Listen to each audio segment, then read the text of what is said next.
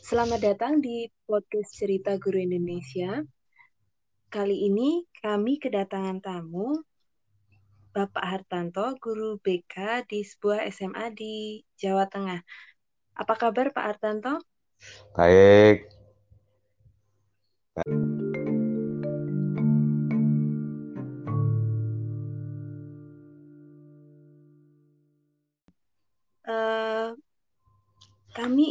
Menanyakan Pak, uh, Bapak ini sudah lama sekali ya menjadi guru bimbingan konseling. Itu sudah berapa tahun sendiri Pak? Sudah berapa tahun mengabdi? 31 tahun. 31 tahun. Dan dengar-dengar mau pensiun ya Pak dalam uh, satu atau dua tahun lagi, betul ya? Ya betul. Berarti Bapak Hartanto ini termasuk sudah mengenal betul seluk beluk tentang dunia bimbingan konseling di sekolah Bapak ya Pak? Ya.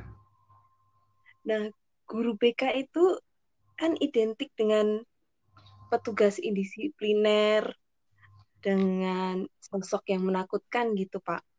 Kalau menurut eh, murid-murid, saya sendiri juga pernah jadi siswa.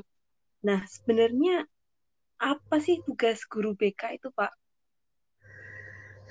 Ya, itu sebetulnya pandangan lama ya, pandangan lama eh, tentang sosok guru BK di sekolah yang tugasnya adalah menertibkan dan mendisiplinkan siswa. Itu paradigma lama. Tetapi semakin ke sini masyarakat pada umumnya pada umumnya uh, sudah mengetahui bahwa guru BK itu tugasnya bukan mendisiplinkan atau menertibkan siswa atau sering disebut dengan polisi sekolah. Jadi anggapan atau pemikiran guru BK sebagai polisi sekolah adalah salah besar. Hmm. Adapun tugas guru BK di sekolah adalah memberikan bantuan kepada siswa untuk memahami dirinya sendiri. Kemudian yang lebih penting adalah memberikan bantuan kepada siswa yang memiliki masalah sehingga dengan bantuan guru BK siswa mampu menyelesaikan atau mengatasi masalahnya itu sendiri. Hmm. Itu pengertian guru BK. Ya. Hmm.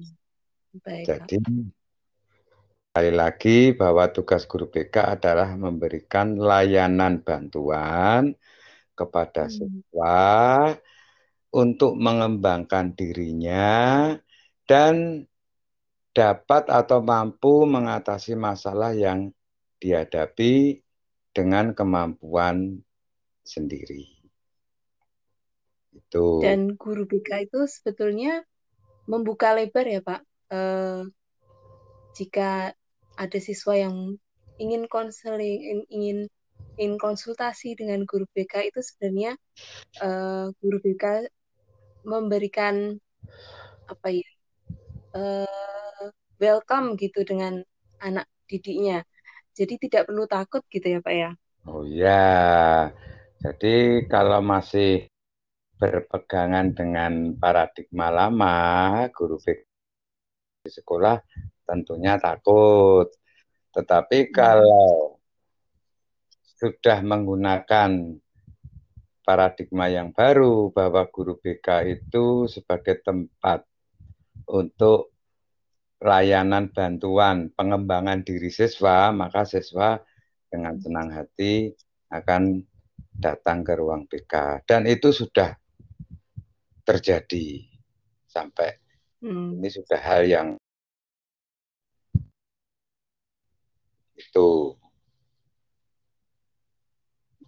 apalagi uh, di episode episode sebelumnya podcast cerita guru Indonesia itu membahas tentang pemilihan jurusan yang tepat agar tidak tersesat untuk terutama kami khususkan untuk anak-anak SMK atau SMA yang mau menunjuk, melanjutkan pendidikan mereka atau pendidikan lanjut misal pendidikan yang lebih tinggi misalnya ke perguruan tinggi gitu, ya. Pak.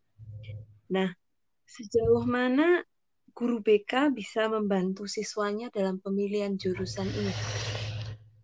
Uh, tugas guru BK sebetulnya tidak membimbing karir apa sesudah lulus SMA atau SMK.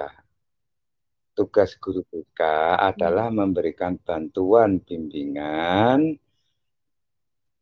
pengembangan diri ya yang berkaitan dengan uh, bimbingan pribadi bimbingan belajar, bimbingan sosial, dan bimbingan karir. Jadi tugas hmm. guru BK mendampingi siswanya untuk pemilihan jurusan di perguruan tinggi itu hanya salah satu tugasnya, yaitu di bimbingan hmm. karir. Ya, jadi masalah hmm. yang terjadi pada siswa itu kan tidak hanya dalam bimbingan karir saja, tetapi siswa eh, banyak mengalami masalah, baik itu yang berkaitan dengan eh, pribadi, ya. Pribadi itu ya masalah-masalah yang berkaitan dengan pribadi, misalnya eh, masalah dengan keluarga, masalah dengan teman sebaya, masalah dengan eh, apa kesehatannya, kesehatan jasmani rohaninya itu masalah pribadi. Kemudian uh, tugas guru BK yang lain yaitu bimbingan di bidang belajar. Banyak siswa yang mengalami kesulitan belajar. Nah, ini tugas guru BK untuk memberikan bantuan kepada siswa sehingga siswa bisa menemukan salah suatu cara untuk belajar secara efektif dan efisien. Ini yang kaitannya dengan masalah belajar. Demikian pula tugas yang lain dari guru BK adalah uh, bimbingan sosial. Jadi memberikan bantuan kepada siswa yang memiliki masalah dalam hubungan sosialnya. Misalnya siswa itu uh, mempunyai kepribadian yang tertutup, tidak bisa bergaul, selalu mengalami masalah dalam pergaulan, ya, dan juga hmm. eh, siswa diharapkan juga bisa aktif di dalam lingkungan keluarga, sekolah dan masyarakat. Nah, ini yang terakhir adalah bimbingan karir. Nah, ini kaitannya dengan kelanjutan karir atau studi siswa sesudah lulus SMA atau SMK. Nah, ini guru BK memberikan bantuan uh, dalam bentuk salah satunya adalah bentuk informasi. Informasi tentang prodi dan perguruan tinggi serta prospek kerjanya. Nah, ini masih hmm bisa disampaikan ke eh, ke siswa baik itu melalui konseling individu maupun bimbingan klasikal. Dengan demikian siswa akan terbuka wawasannya terhadap eh, dunia perguruan tinggi. Dengan memahami hmm. dirinya sendiri termasuk memahami terhadap kemampuan, bakat, minat. Nah, dengan guru BK memberikan informasi tentang prodi-prodi perguruan tinggi, maka siswa akan eh, memilih dan mencari prodi-prodi yang sekiranya dirinya sendiri. Baik.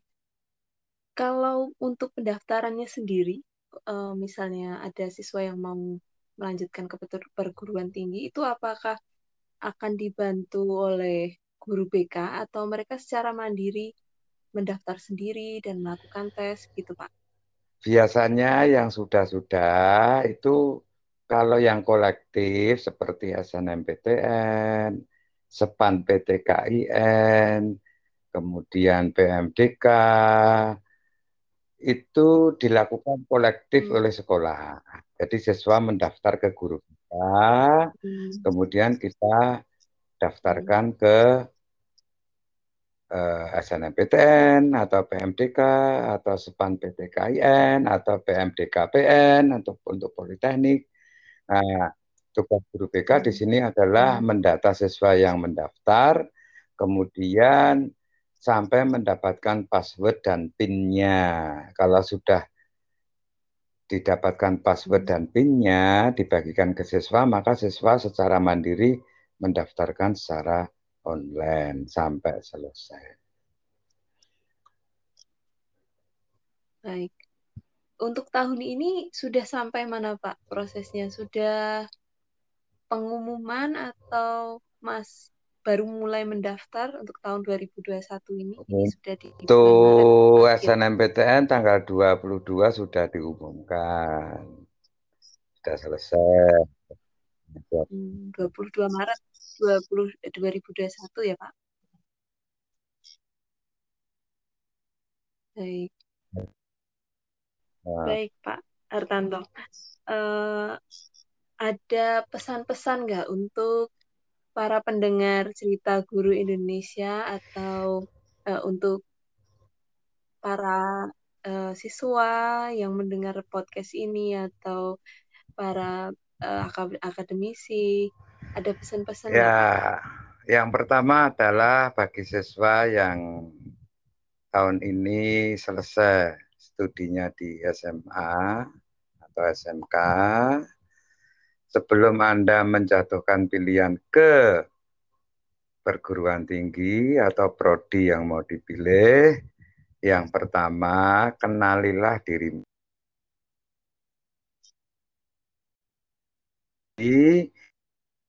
minat, kemampuan, dan lain sebagainya. Sehingga dalam pemilihan prodi di perguruan tinggi akan lebih tepat. Jadi jangan mengikuti keinginan teman-teman akrab atau teman-teman yang lain. Ini suatu fenomena sering terjadi bahwa siswa memilih prodi dan PTN di perguruan tinggi karena hanya ikut-ikutan. Ini jangan sampai terjadi. Karena kalau sudah berbicara tentang pilihan prodi dan PTN, ini kembali ke dirinya masing-masing. Maka dari itu kenalilah diri Anda sebaik mungkin sehingga akan lebih bijaksana dalam mengambil keputusan untuk pemilihan prodi dan PTN. Kemudian pada waktu menjalani pendidikan saya harapkan bahwa Anda harus tetap bersemangat mencapai hasil prestasi yang maksimal karena ini akan berpengaruh terhadap penerimaan mahasiswa baru di tahun yang akan datang terhadap adik-adik kelas Anda. Ini sangat pengaruh sekali. Hmm. Ya. Uh, jadi Baik. itu ya. Terima kasih. Ya, ya Pak. Uh, ada yang ingin disampaikan lagi Pak? Tadi saya put, saya potong. Ya, ya. saya kira cukup untuk kemudian untuk terakhir untuk pekerjaan ya. Jadi tadi wah, ya. proses pendaftaran, kemudian selama pendidikan harus berprestasi maksimal.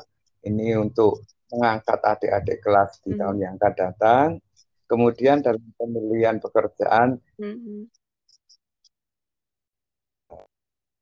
ada rasa nyaman dan bahagia dalam menggeluti pekerjaan tersebut sehingga bisa sukses di kemudian hari.